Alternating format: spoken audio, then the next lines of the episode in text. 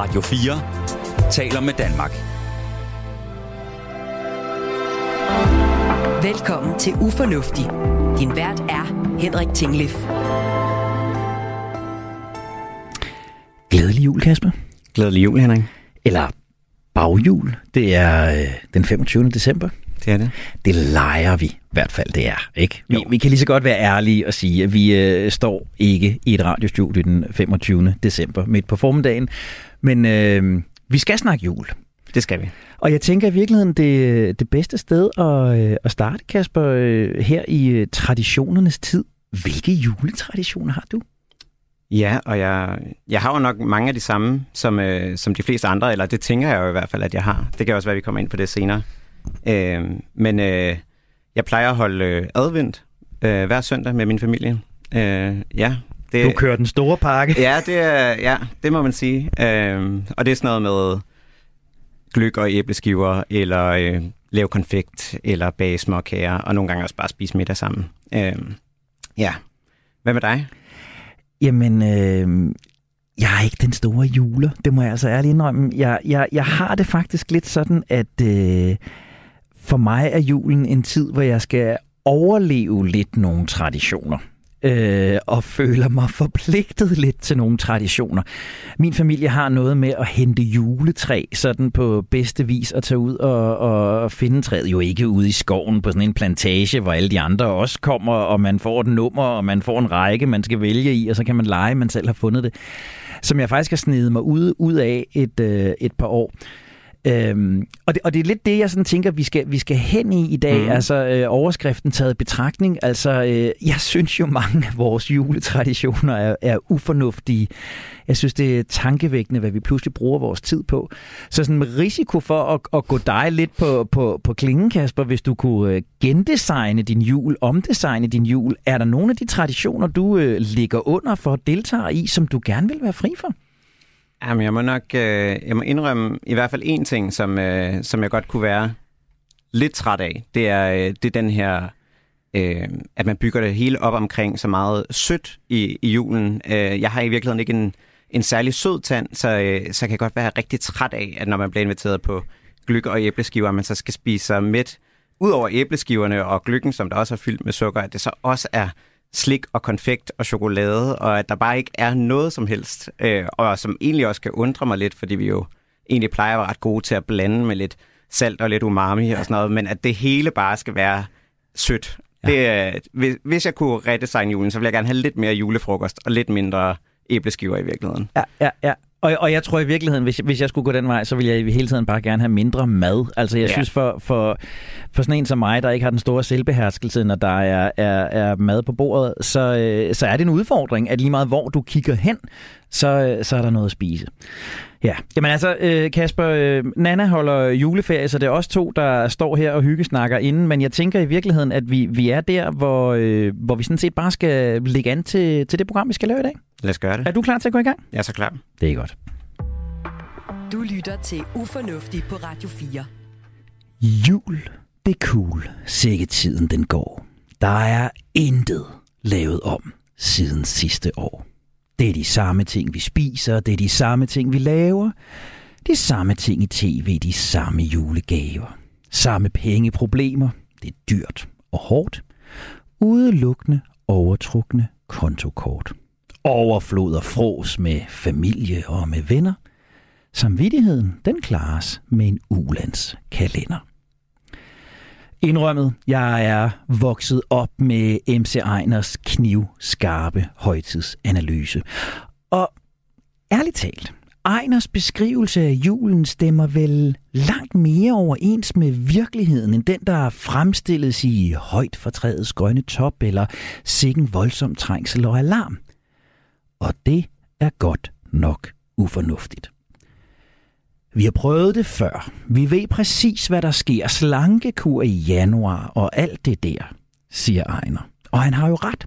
Hver eneste år, når vi rammer december måned, så kaster vi kloge, velbegavede mennesker os ud i et ufornufts raid, der skal betales tilbage i årets i forvejen mørkeste og tristeste måned. Og så har Ejner jo slet ikke det hele med.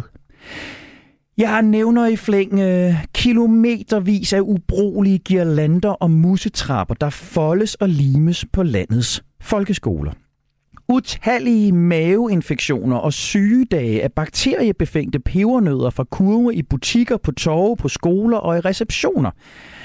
Timevis af samvær med mennesker, vi normalt aldrig vil prioritere tid sammen med. Men nu er det jo jul. Konflikter i sammenbragte familier, hvis traditioner skal vi følge, hvis tur er det i år. Julenissedrillerier, der går amok, og Aula-diskussioner om samme. Kalendergaveræs, der stikker af, og Aula-diskussioner om samme. Og så lad os da bare lige nævne 364 dages klimabevidsthed, for så 31. i 12. at skyde krudt af svarende til en mindre borgerkrig. Det er da godt nok ufornuftigt. Du lytter til Ufornuftig på Radio 4. Og vi er programmet, hvor vi undrer os over, hvorfor vi kloge mennesker gør så mange dumme ting. Jeg hedder Henrik Tingle, for i dag der handler programmet om, hvorfor vi kloge, fremsynede, visionære mennesker stadig er så bundet af traditioner. Og så også, hvorfor så mange af dem er så ufornuftige, måske særligt, når det er jul. Vi overspiser, vi gaveræser, vi tvangshygger, og vi skyder det nye år ind med fare for både miljø, liv og lemmer. Jeg lover dig ikke, at dagens program bliver julehyggeligt og opluftende. Nærmest tværtimod. Jeg lover dig ikke, at det vil vise øh, de bedste af dine sider, eller af mine. Jeg lover dig ikke, at det bliver nissehumør, men jeg lover dig, at det bliver helt igennem menneskeligt. Og som du allerede har hørt, kære lytter, så er dagens medvært en fast ven af programmet. Det er antropolog og rådgiver i konsulenthuset Bro med fokus på notching og adfærdsdesign, Kasper Frøkær Jul. Velkommen til, Kasper. Tak, Henrik. Og det er jo mærkeligt at byde dig velkommen, når vi allerede har stået og sludret om øh, juletraditioner. Men øh, nu er du i hvert fald også formelt velkommen som, øh, som medvært i programmet. Og jeg tænker, Kasper, et oplagt sted at starte er jo det store spørgsmål. Det her, der handler om, hvorfor vi kloge mennesker, vi fremtidsskuende, visionære mennesker, stadigvæk har brug for at være så bagudskuende og traditionsbundne. Vi taler innovation, vi taler deconstruction, vi taler disruption, og så gør vi det samme igen og igen og igen i andre sammenhænge. Så hvis du nu tager antropologhatten på, mm. hvorfor er det så, at vi mennesker har brug for traditioner i bredeste forstand, og juletraditioner måske i, i særdeleshed?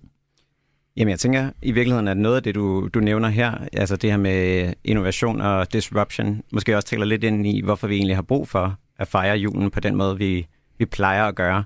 Øhm, julen er jo på en måde øh, et meget, en meget stor vane, øh, som vi måske gentager meget sjældent, men det er i hvert fald noget, vi gentager igen og igen. Øh, og det vil også sige, at vi ved, hvad, hvad der skal ske, og derfor kan vi også læne os ind i, at vi egentlig ikke behøver at tænke så meget over det. Vi kan ligesom bare følge med, og så er der ligesom skrevet et manuskript for, hvad der skal foregå. Så det betyder også, at vi skal bruge meget lidt sådan, mental kapacitet på at træffe beslutninger. Vi kan ligesom bare slappe af, og så kan vi ligesom fortsætte, som vi altid har gjort. Copy-paste. Ja, præcis. Og er der noget, vi godt kan lide, så er det i virkeligheden at spare på den her kognitive øh, kapacitet. Så der er noget, der er noget, hvad skal man sige, noget, noget hjerneøkonomisk i, øh, i traditioner for os. Det kan, man, det kan man i hvert fald godt sige. Og man kan også sige, at øh, som vi talte om sidste gang, så er der jo også noget i det her med, at når vi allerede har noget, så er vi heller ikke særlig glade for at skulle give afkald på det igen. Og det gælder i virkeligheden også øh, traditioner, så vi er mere tilbøjelige til at sige, at det vil være fint at få en tradition mere, øh, men vi er ikke så vilde med at skulle give afkald på det. Og det kan måske også forklare, hvorfor vi nogle gange sidder omkring et julebord, og så er der 15 forskellige retter, selvom vi måske godt ved, at det er kun fem af dem, som vi rigtig gerne vil spise, men vi har egentlig ikke lyst til at skære nogle af dem fra, og hver gang der kommer en ny ret til, så er vi sådan, nej, det skal vi da også have næste år, men øh, vi er ikke så vilde med at skulle sige, at vi vil være med nogle af de andre. Nej, jeg tænker, jeg, jeg kunne godt tænke mig at dvæle lidt ved tabservationen der, som ja. du nævner, ikke? fordi det, det, det er jo et, et af de parametre, som ligger dybt i os mennesker, og som vi i, i programrækken her nok kommer til at, at, at møde igen og igen. Og, og det du vel dybest set siger er, at vi overvejer nærmere omkostningerne ved at skulle afskaffe nogle af vores juletraditioner. Hvad vi vil mangle, hvad vi vil savne, hvor forkert det vil opleves, hvor forkert det vil føles, end vi kigger på de fordele, eller de fornyelser, eller den fornyede energi, vi kunne få af at ændre noget. Ja, lige præcis. Og den her i virkeligheden en forventning om, at man kommer til at fortryde, hvis man laver noget om, at så vil det aldrig kunne laves om igen. Øh, og derfor så holder vi os bare fuldstændig fra at pille ved noget som helst, så må vi heller bare gøre, som vi plejer, fordi så er der i hvert fald ikke noget, vi kan fortryde, fordi det er, som vi plejer at få det, og det kan vi også være trygge ved.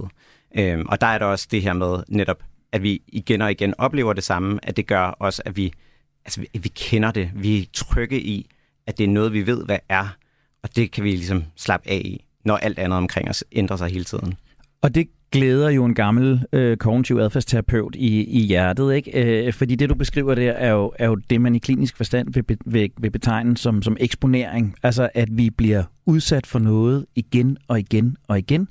Og det, vi møder igen og igen og igen, og gentager igen og igen og igen, Jamen det ved vi jo helt videnskabeligt, at vores arousal-niveau, vores stressniveau vil, vil falde. Vi vil finde en højere grad af tilfredshed, en højere grad af tryghed, en højere grad af glæde, og derfor vil vi også have tendens til at opsøge det igen. Så, så på samme måde som folk, der har prøvet at være bange for æderkopper, eller for øh, store pladser, eller små rum, måske har øvet sig i langsomt at komme tættere og tættere på det, og gentage det igen og igen, for så til sidst at føle sig tryg og velbehag der. Det er lidt det samme, du i virkeligheden beskriver, vi, vi får med julen. Ja, ja, det er det jo i virkeligheden. Og det er måske også det der med, at hvis jeg skal være sammen med nogle mennesker, som man måske ikke ses med så tit, at så er det ekstra rart, at man i hvert fald har nogle faste rutiner for, hvad er det egentlig, vi skal, hvad er det, vi skal gøre sammen så vi ligesom bare kan sige, at vi plejer jo at gøre det her, så skal vi ikke bare gøre det, så behøver vi ikke at, at skændes om, hvad vi skal gøre næste gang. Så der er en, en hjerneøkonomi, altså vi mm. sparer mm. hjernen i en, i en foranderlig verden, øh, hvor der sker en masse omkring os, jamen så er højtider og traditioner med til at spare noget kognitiv kapacitet. Der er en tabsaversion, vi kommer til at fokusere på det, vi mangler, hvis vi ændrer. Og så øh, er der en, en eksponering, hvis vi skal oversætte det til, til psykologsprog. Altså, vi er simpelthen blevet trygge ved det, fordi vi har gjort det rigtig mange gange, og derfor vil vi gerne opsøge det igen. Lige præcis. Altså, jeg sad og, og tog øh, psykologhatten lidt på, inden vi skulle øh, være, være sammen her i dag. Og faktisk prøvede sådan, det er jo ikke noget, jeg vidste noget om sådan i forvejen, men, men, men researche lidt på det, og man kan sige, der er to, der er to vinkler øh, på det. Der er sådan øh, den, den almen psykologiske øh, menneskets natur. Jeg har jo sådan lidt en forkærlighed for, for flokdyrs øh, trækkende i os. Og, øh, og der siger man jo sådan i, i socialpsykologien, at, at traditioner giver et fællesskab. Traditioner forbinder mennesker, traditioner øh, forbinder øh, generationer, forbinder på tværs af aldre, forbinder på tværs af køn, forbinder på tværs af familier, der er øh, spredt geografisk. Så, så vi reetablerer vores flok, vi finder vores plads i fællesskabet. Vi finder måske også lidt sammen, eller tilbage sådan i klassiske familiemønstre. Det er måske også der sådan, jamen mor står i køkkenet og skal trakteres, og far er ude og hente juletræet ind, og børnene leger omkring pejsen. Så der er ligesom sådan nogle klassiske dyder, som på en eller anden måde øh, falder på plads. Og det, man sådan siger i socialpsykologien, det er jo i virkeligheden, at julen er bare en af dem. Øh, øh, om vi er fælles om julen, eller vi er fælles om fodboldlandsholdet, som vi var forrige sommer. Øh, det har vi måske været knap så meget øh, den her jul, kan man sige. Eller vi er fælles om øh, en Jonas Vindegaard, der vinder Tour de France, eller en øh, ny regeringsdannelse, øh, som, som vi havde her i december måned. Det er sådan set underordnet, men det er, at vi finder et fællesskab omkring noget, vi kender vores, vores pladser i. Og så er der det sjove i det, at, at det passer lidt med de ting, du siger, ikke? At, at hjernen hjælper os jo i, i, i det her. Altså hjernen sorterer i informationer. Øh, hjernen sørger for, at vi husker det, der har været rart ved de her traditioner, øh, og sorterer det fra, der ikke har været så rart. Og det gør den ganske enkelt, øh, er i hvert fald det, der er rationalet ud fra sådan et mere måske øh, evolutionspsykologisk perspektiv, at den siger, jamen, jo tryggere vi er i det, der har været, jo gladere vi er for det, der har været i fortiden, jamen jo mere trygt går vi ind i fremtiden. Så vi bruger også traditionerne til at skabe et solidt fundament for alt det, der ligger og brager ude i verden foran os. Ja, jeg tænker egentlig også, at det taler lidt ind i øh, måske en mere klassisk øh, antropologisk øh, tilgang til, til det her med ritualer og traditioner. Øh, der har man, som regel så ser man ritualer som enten noget, der intensiverer nogle normer i samfundet, eller noget, der vender dem på hovedet for ligesom at, at tydeliggøre dem.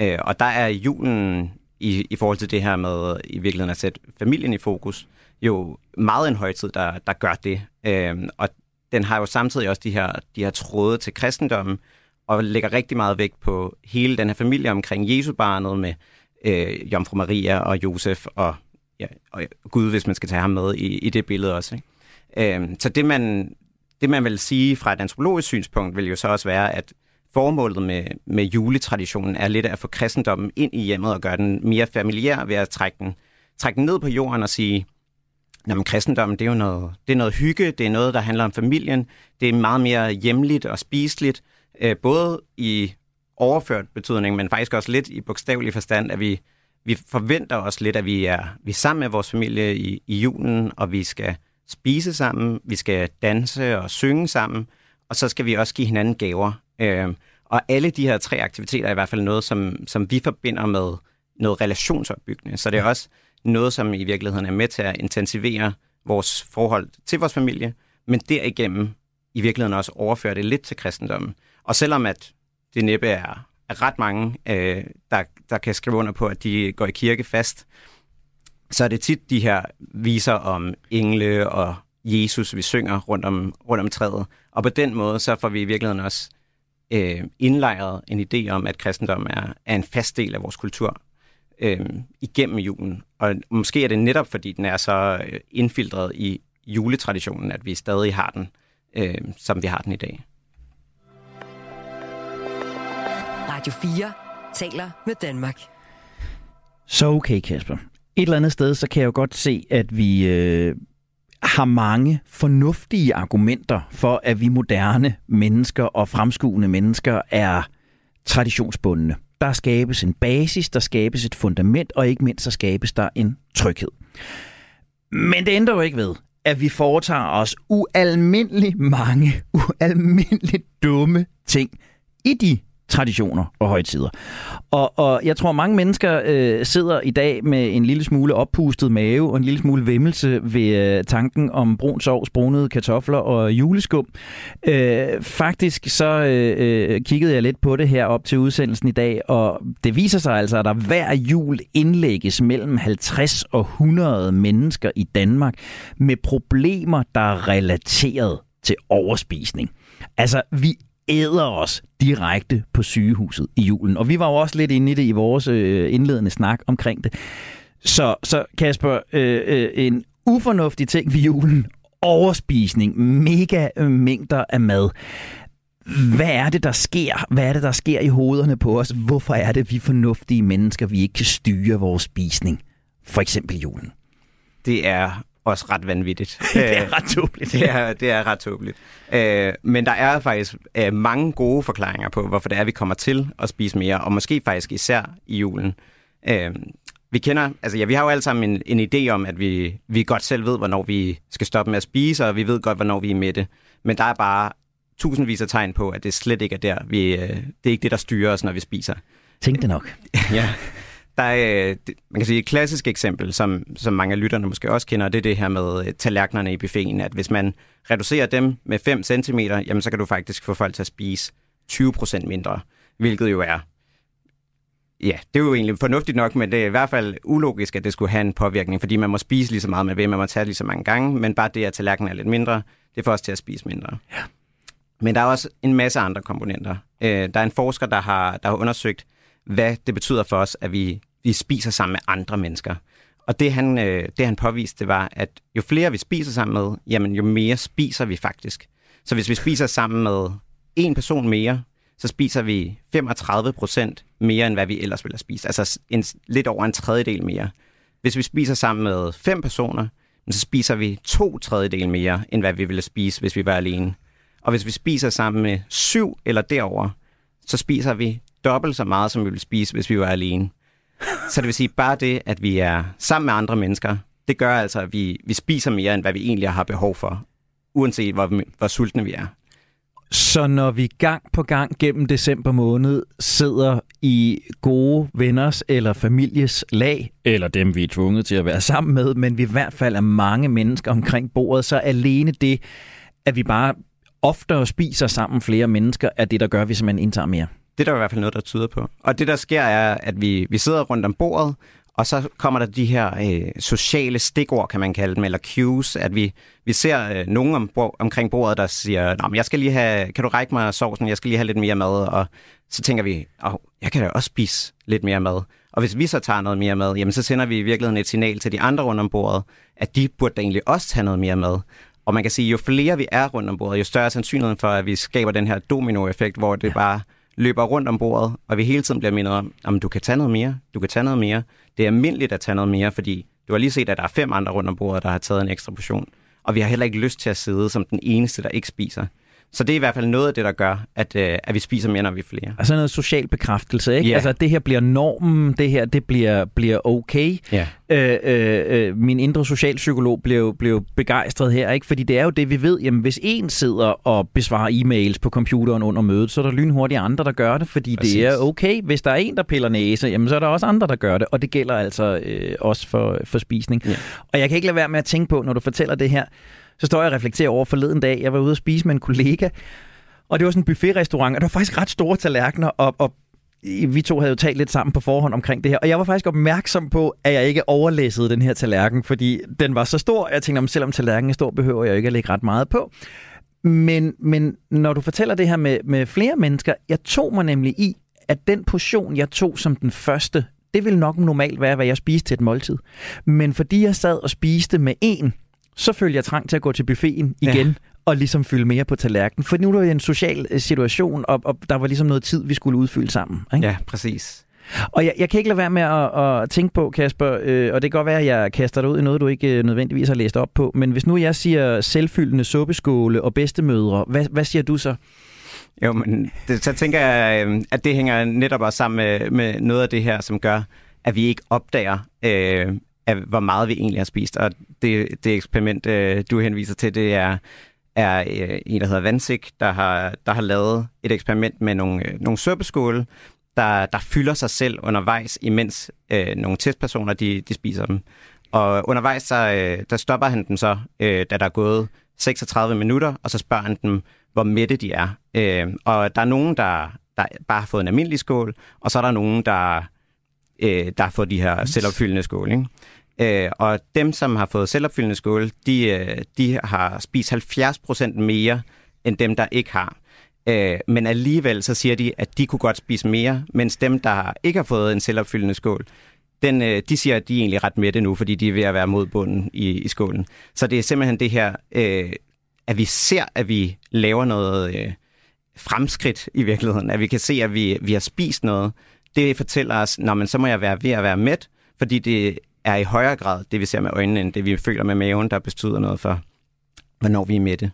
Og, og der tænker jeg jo på det klassiske julebord, ikke? og på ja. min, min salige mormor, som desværre ikke er her mere. Altså, der nåede man jo ikke at spise sine brune kartofler, før man to eller tre gange var blevet nødet nogle flere, og før fadet havde gået rundt. Og hvis ikke man selv havde taget nogen, så var det lige før, man fik lagt nogen på, på bordet. Ja. Og jeg kan jo se det i dag med mine forældre over for mine børn, ikke? At, at de er der jo også. Jamen, skal du ikke have lidt mere, og skal vi ikke sætte ekstra gode stykke til dig?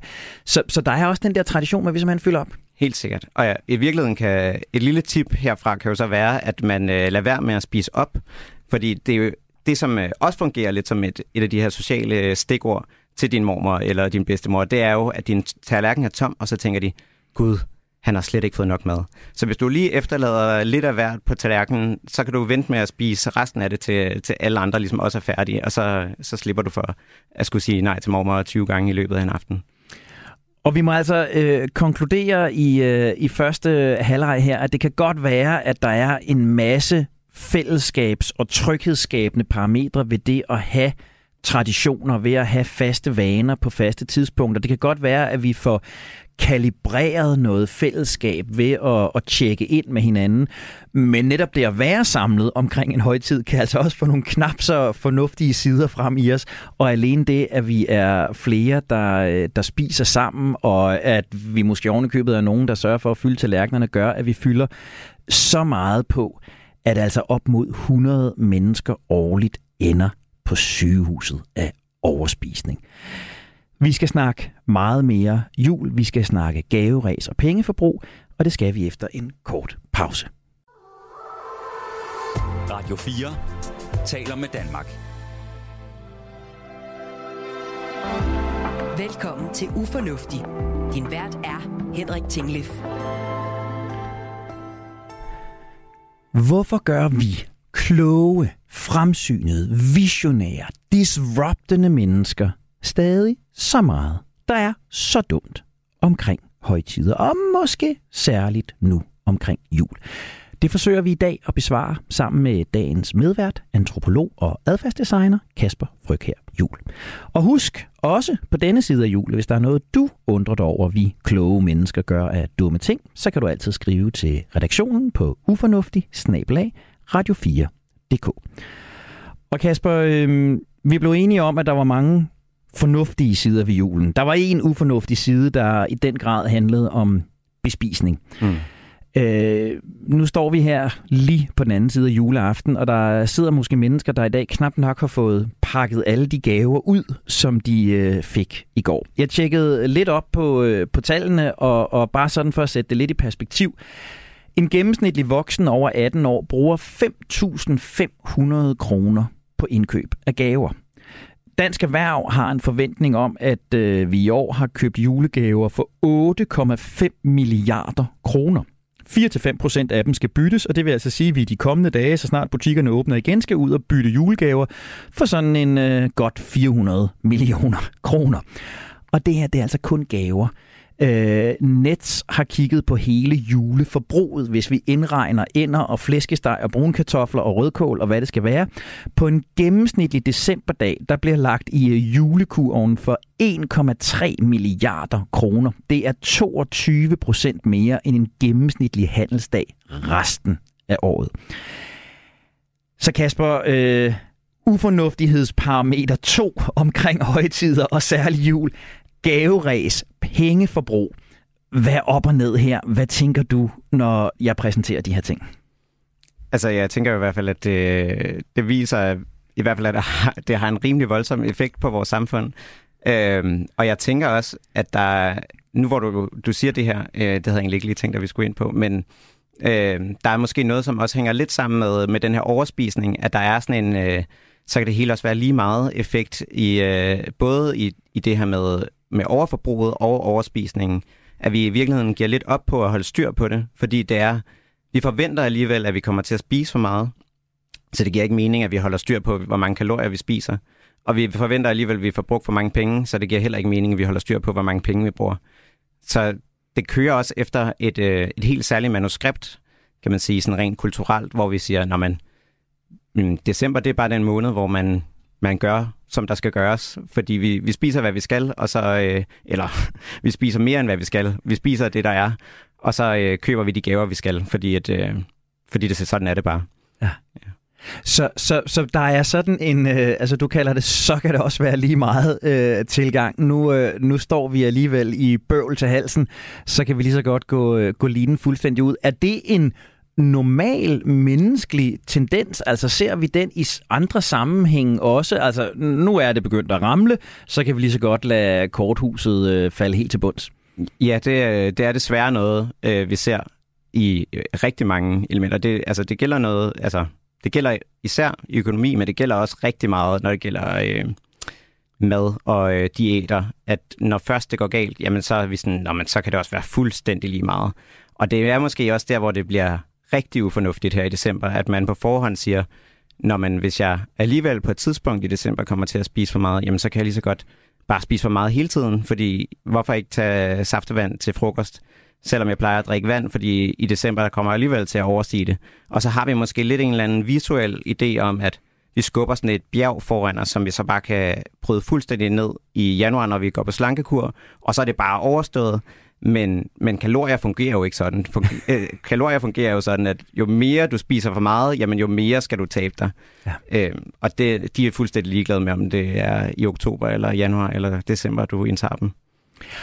Og jeg kan jo ikke lade være med at tænke på, øh, at, at sådan i psykologikredse har man jo øh, gennem mange år diskuteret, hvorfor giver vi egentlig gaver? Mm. Altså gør vi det for at være gode ved andre, eller gør vi det egentlig for at prise os selv, og i virkeligheden selv finde noget glæde og relief. Ikke? Jo. Og mange har måske siddet i, i går aftes og været mindst lige så spændt på at, at se reaktionen hos dem, der pakker ens gave op, som de har været spændt på deres egen gave, og måske endda i virkeligheden siddet i går aftes og fundet endnu større glæde ved at at give andre, end ved de gaver, de nødvendigvis har fået. Mm. Hvis man lægger det perspektiv ned, ned over, er gaveræset så i virkeligheden ufornuftigt, eller er det måske i virkeligheden øh, meget fornuftigt, at vi en gang om året giver os selv en masse velbehag, en masse glæde i en foranderlig verden, som, som mange af os måske har svært ved at få hænge, til at hænge sammen til daglig. Er det så bare overforbrug, eller er det i virkeligheden en investering i trivsel hos os selv?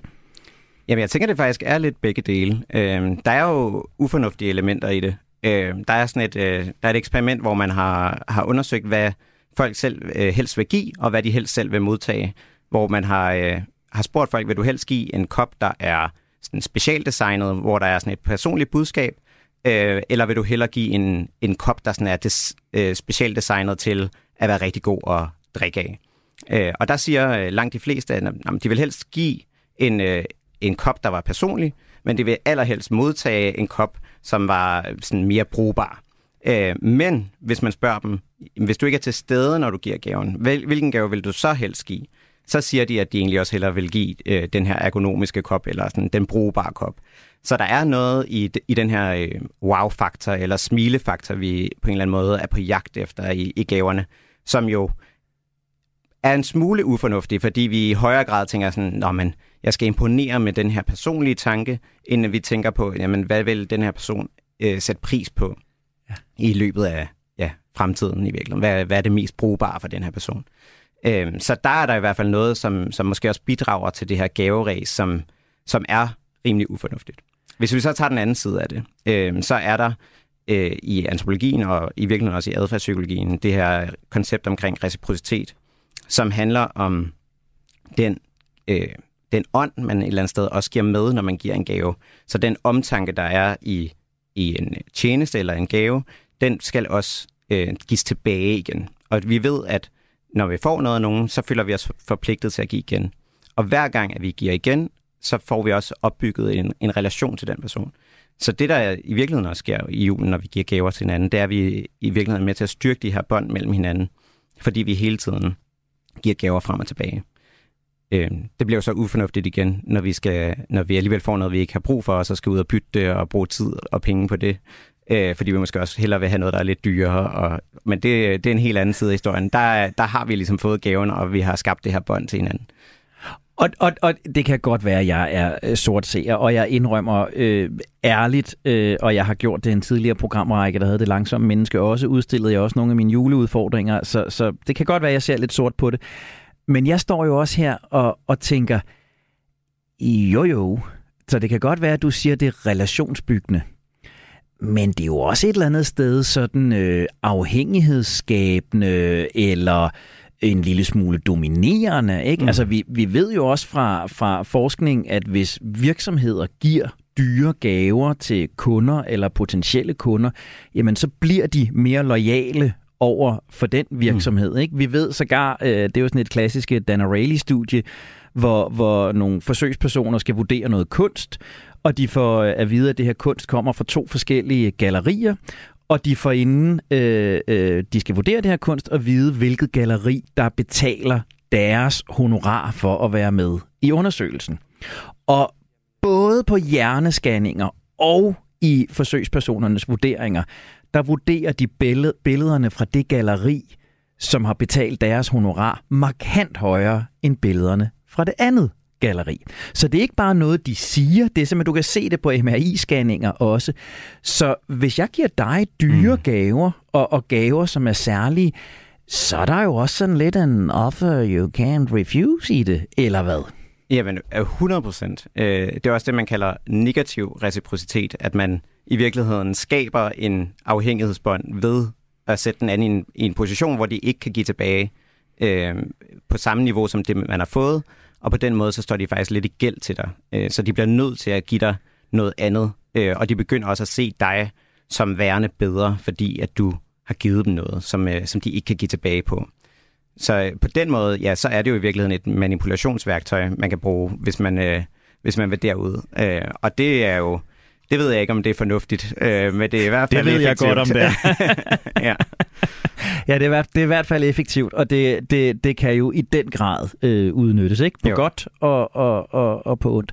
Så, så Kasper, øh, hvad, hvad dommen over fornuftige menneskers øh, gaveræs? Altså, øh, hvad, hvad tænker vi om det, og hvis vi skal kigge konstruktivt fremad, er der noget, vi kan gøre for at moderere det her? Skal vi moderere det?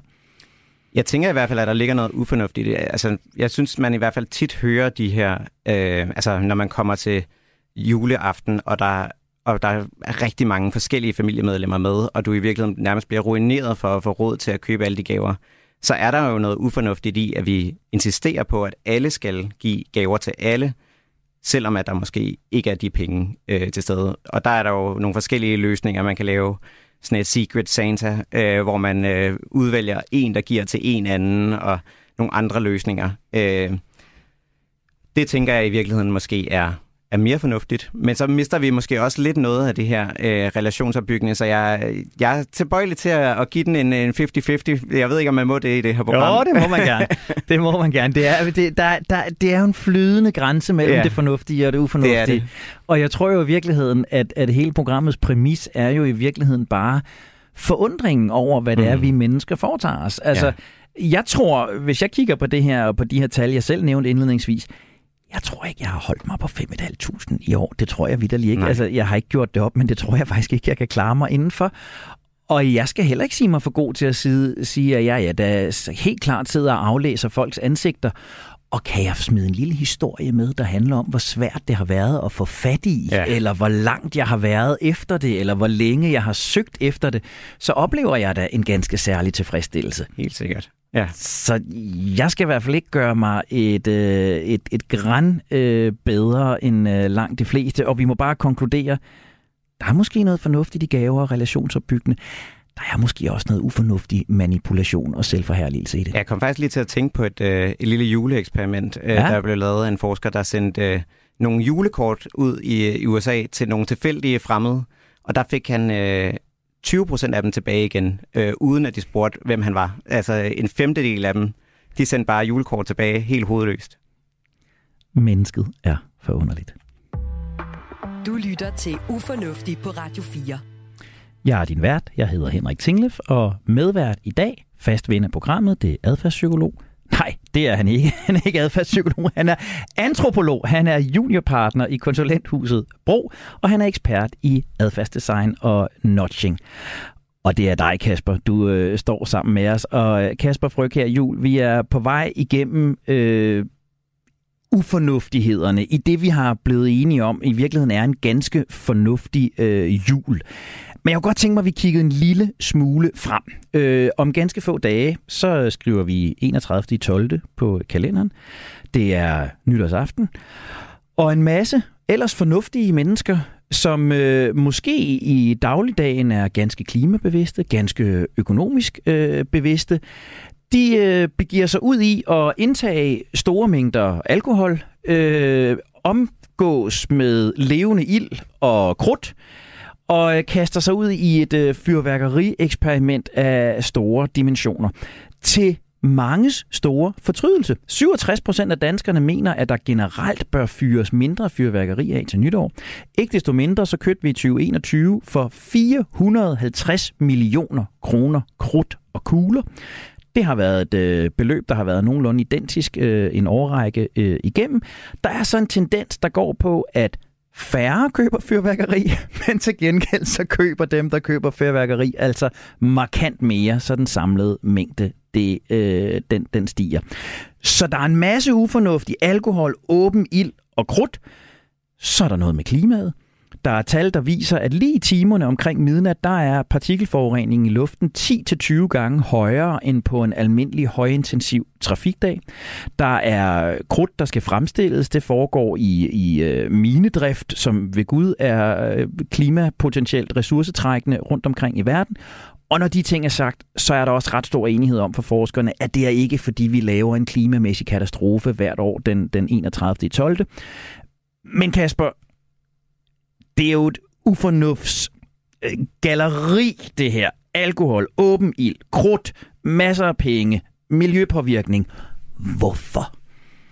Ja, og det øh, er jo et virkelig godt spørgsmål. Øhm, jeg tænker, der er jo nogle af de samme ting, der er på spil her. At igen er det jo også det her med, det er noget, vi altid har gjort. Det er en tradition. Vi forbinder hele den her øh, ritualet omkring nytår. Det, altså, det, der skal være det her brag omkring, øh, ja, når klokken slår 12. Øhm, så der er der igen den her følelse af, at vi vil i hvert fald ikke af med det, og vi vil i hvert fald ikke være de første, der gør det. Vi skal ikke være dem, der siger nej tak til at fyre fyrværkeri af, for især ikke, når, når alle andre gør det. Og vi får jo netop en fornemmelse af, at stort set alle de andre gør det, fordi det er så tydeligt et, øh, et signal fra alle andre. Vi kan se det på himlen, det larmer, det brager, det lyser, så vi får også en fornemmelse af, at det er helt normalt at gøre. Og derfor så tænker jeg også, at det rykker ved nogle, øh, nogle fornemmelser af, hvad der vil være det rigtige at gøre, fordi vi, vi i virkeligheden bliver mindet om, at, at det, det er det normale. Ja. Øhm, så tænker jeg også, at der måske er noget af det her, du talte med, øh, med Anders Kolding øh, Jørgensen om, i forhold til, at jamen, øh, der sker jo nok ikke noget, hvis, hvis det er mig, der gør det. Sådan, der er ikke nogen konsekvenser ved, at jeg øh, fyrer noget af, fordi jeg har jo styr på det. Jeg kan godt være fuld og, og styre en raket, og jeg kan måske også godt lave lidt sjov med den, uden at der er noget, der går galt, fordi jeg har styr på det.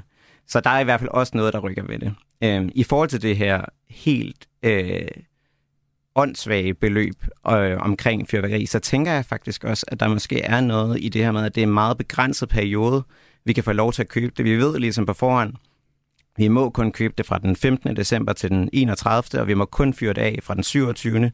til den 1. januar. Så vi, som vi talte om sidst, når der er det her knaphedsprincip eller, eller scarcity, så fjerner vi i virkeligheden det her fokus på værdien, og så er det mere hastigheden, vi, vi begynder at fokusere på, at vi skal skynde os at have det, imens vi stadig kan. Øh, og så glemmer vi måske lidt at vurdere, hvad der egentlig er fornuftigt at gøre. Og jeg havde faktisk noteret mig det som, som, som et specifikt spørgsmål til dig, fordi vi netop talte om knaphedsprincippet mm. sidst.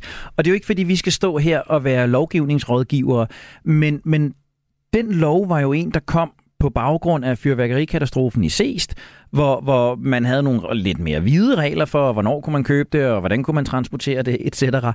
Og jeg kunne netop ikke lade være med at tænke på, jamen har denne her stærkere og stærkere begrænsning af tilgangen til fyrværkeri måske i virkeligheden forøget lysten, motivationen, driften efter at få det, netop fordi det nu bliver en knaphedsting? Jamen det tænker jeg jo, at, øh, at der i hvert fald er en vis sandsynlighed for. Øh, det ville al adfærdspsykologi i hvert fald pege på, at, øh, at det vil give rigtig god mening, hvis man ikke længere tænkte over, om man skulle gøre det, men at man bare tænkte, når man nu kan jeg gøre det. Og, øh, og der er kun de her dage tilbage til, at, øh, at jeg ikke kan længere. Det ved vi jo også fra stort set alle øh, shoppingsider og Black Friday, øh, altså you name it, at de ved, at hvis de siger, at du kan kun få det i det her begrænsede antal eller det her begrænsede tidsrum, jamen så skynder vi os at få det. Øh, så jeg tænker også, at det er der, man øh, i virkeligheden, altså, det, at, det er jo lovgivning, man skal pille ved for at få folk til at ændre holdning til det her, fordi vi får ikke folk til at, at rykke sig ved at sige, at Nå, men det er en dårlig idé, eller så mange kommer til skade, fordi folk kommer til at blive ved med at gøre det, så længe det er noget, man må. Men samtidig er der jo også rigtig mange, der godt kan se en mening i, når man, hvis jeg får en professionel fyrværker, eller hvis vi laver nogle lasershows i stedet for, som er professionelt udført, men så får vi jo i virkeligheden meget mere for pengene, end hvis vi klatter de der næsten en halv milliard af på noget slattent øh, batteri ja. til Ja, jeg ved ikke engang, hvad det koster. Øh, det, det er stykke tid siden, jeg har købt fyrværkeri, kan jeg så afsløre.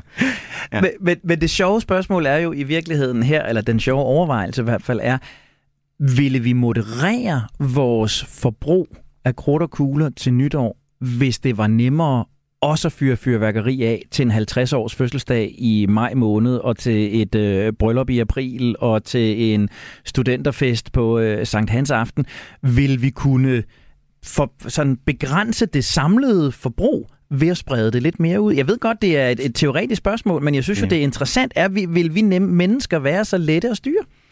Ja, spørgsmålet er, om, om skaden er sket. At det måske ikke er sikkert, at, at det, at vi breder det ud nu, i virkeligheden vil få, få flere til at, at droppe det nytårsaften. Det kan godt være, at det bare vil få folk til så at gøre det hele tiden, hver, hver gang det vil, der var en lejlighed. Øh, men der ligger der et, sådan et, et spændende potentiale i det. Jeg, jeg kunne da godt være med på, at man lavede et eksperiment. Det kunne være ret sjovt. Ikke? Ja, det kunne være ret det, sjovt. Det kunne faktisk være ret sjovt. Vi øh, krabber os jo øh, langsomt, men sikkert hen mod øh, afslutningen, Kasper. Tiden går altid enormt hurtigt i, øh, i godt selskab. Øh, jeg tænker, at, at der, hvor vi jo selvfølgelig skal, skal ende, det er, øh, hvis vi nu skulle sammen definere et par gode råd, et par regler, et par rammer til en måske lidt mere fornuftig tilgang til vores ufornuftige øh, adfærd i julen. Du har været inde på et par stykker af dem. Lad være med at tømme tallerkenen, når bedstemor går omkring øh, bordet. Vis hende, at der stadig er noget tilbage. Øh, man kunne måske udbrede perioden med fyrværkeri. Man kunne måske overveje en Secret Santa på, på sine gaver. Men, men hvis vi sådan skulle kigge lidt bredere ud og sige, hvordan gør vi højtiderne mere fornuftige? Ja, og det er jo, øh, altså jeg kunne i hvert fald godt tænke mig at komme lidt tilbage til det her med, med overspisning, fordi det er i hvert fald noget, hvor, hvor der er virkelig mange ting, vi kan gøre. Der ligger 100 mennesker på sygehuset lige nu, der ja, har brug for vores hjælp. Ja, ja. ja, så jeg tænker, det er der, vi sætter ind. Øh, og der er der, altså, der er der rigtig mange ting, man kan gøre. Øh, man kan selvfølgelig ikke begrænse, hvor mange mennesker man er rundt om bordet. Det tænker jeg, der er nogen, der vil blive ked af. Men man kan i hvert fald måske fjerne de der cues, øh, ved at, at tage mad i køkkenet i stedet for at sætte det på bordet, øh, så du i mindre grad ser, når andre tager mere. Øh, så kan man, man kan selvfølgelig spise mindre tallerkener. Det, øh, det er jo ikke sikkert, at man lige har det. Men ellers så kan man også, øh, man kan øh, spi, øh, hvad hedder det, drikke af nogle, af nogle smalle glas.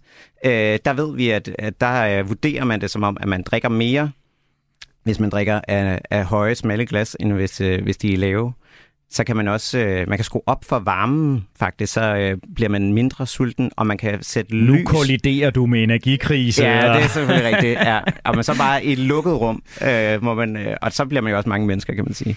Og sætte lidt ekstra lys på, på maden, der ved vi også, at, øh, at det simpelthen også øh, gør os mere opmærksom på, hvor meget vi spiser, hvis man sætter spot på maden. Øh, jeg ved ikke, hvor hyggeligt det er, hvis man sidder med sådan en... Øh, en øh, havelampe. Men, øh, det vidste jeg faktisk ikke. Ja. Stærkt lys på maden. Ja, så øh, bliver vi mere opmærksom på, hvor meget vi spiser, og så begrænser vi faktisk os selv lidt mere.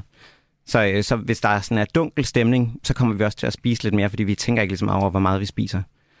Smart. Ja. Øh, og så kan man spise øh, med nogle større gafler, faktisk. Det er jo så det lidt omvendte.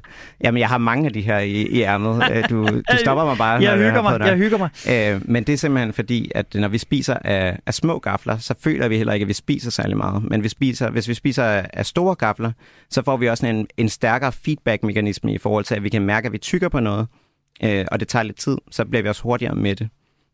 Så det er også, øh, der kan man se, at hvis man spiser af, af lidt mindre gafler, så spiser man i gennemsnit 25 procent mere. Så der er også lige øh, et lille trick til at, at holde styr på kalorierne i, i de her julefrokoster, man skal igennem mellem, øh, mellem jul og nytår. Ah, jamen, det er, det er fascinerende. Jeg, jeg, jeg, jeg tænker, at, at vi jo står i virkeligheden for første gang i sådan et, et vadested her i, i programmets historie, hvor vi jo på sin vis siger, jamen der er faktisk rigtig meget fornuft i, i, i julen, i traditionerne. Mm øh, men at den fornuftige base bare fremkalder nogle ufornuftige handlemønstre fra os. Og det er jo der, adfærdsdesign øh, har sin berettigelse til at korrigere os, til at passe på os, i virkeligheden til at beskytte os mod vores egen ufornuft. Fuldstændig, ja. Så det er øh, ikke bare hjerternes fest, øh, når det er jul, det er i virkeligheden også adfærdsdesignernes fest. ja, det kan man virkelig godt sige. Ja, jeg tænker også, altså i forhold til det her med budgetterne, øh, at der er der jo også, altså der er der måske et potentiale i netop at, på forhånd at, at blive enige om, hvor mange penge er, vi, vi har lyst til at bruge på det her, og så må man sige, jamen enten så begrænser vi, hvor mange vi giver gaver til, eller så må vi begrænse, øh, hvad vi giver af gaver. Øh, fordi det er jo, altså, det svære ved julen er jo netop, at det er så socialt. Øh, så vi kan ikke bare beslutte os for, for os selv, hvad det er, vi vil gøre anderledes. Og, og der er jo det gode gamle, når vi nu er i adfærdsdesign, der er jo det gode gamle øh, råd med go cash, ikke? At, at vi mennesker opfører os langt mere irrationelt, når penge, værdier er repræsenteret ved noget, der ikke er mønter og sædler. Det er langt nemmere at køre dankortet, at swipe på MobilePay, end det er at lægge 100 grundsedlerne øh, op på disken. Så hvis det er de 5.500, vi skal ud og bruge, så kan det være, at vi skal hæve dem i kontanter, lægge dem hjem i syltetøjsglasset, og når der ikke er flere, så er der simpelthen ikke flere. Det synes jeg godt kan være et råd herfra. Det har været øh, en fornøjelse endnu en gang. Kasper Fryg her Jul, antropolog, adfærdsdesigner, juniorkonsulent hos øh, rådgivningsfirmaet Bro. Tusind tak, fordi du vil øh, komme og gøre os klogere på ufornuftige menneskers ufornuftige omgang med den faktisk ganske fornuftig jul. Selv tak. Og så er vi nået dertil, hvor vi endnu en gang gentager, at mennesker er fantastiske og forunderlige. Mennesker er også foruroligende og farefulde, og dagens emne har endnu en gang bare vist en lille bitte fli af ufornuftens væsen. Du skal huske, at du kan genlytte hele programmet her i Radio 4-appen. Der kan du også finde alle Radio 4's andre gode programmer. Helt sikkert også en masse flere, der handler om jul. Jeg hedder Henrik Tinglef. Jeg har været din vært til rettelægger, som nyder en velfortjent juleferie. Det har været Nana Chili Guldborg. Husk, at du altid er velkommen til at skrive direkte til os på ufornuftig radio4.dk. Del hellere en overvejelse for mange end en overvejelse for få om alle de dumme ting, du ser os kloge mennesker gøre. Tak for din tid. Tak for din opmærksomhed. Blev vi sammen klogere? Måske. Vil vi alligevel dumme os igen? Absolut. Og derfor, der gør vi det hele igen i næste uge. Det skal nok blive ufornuftigt.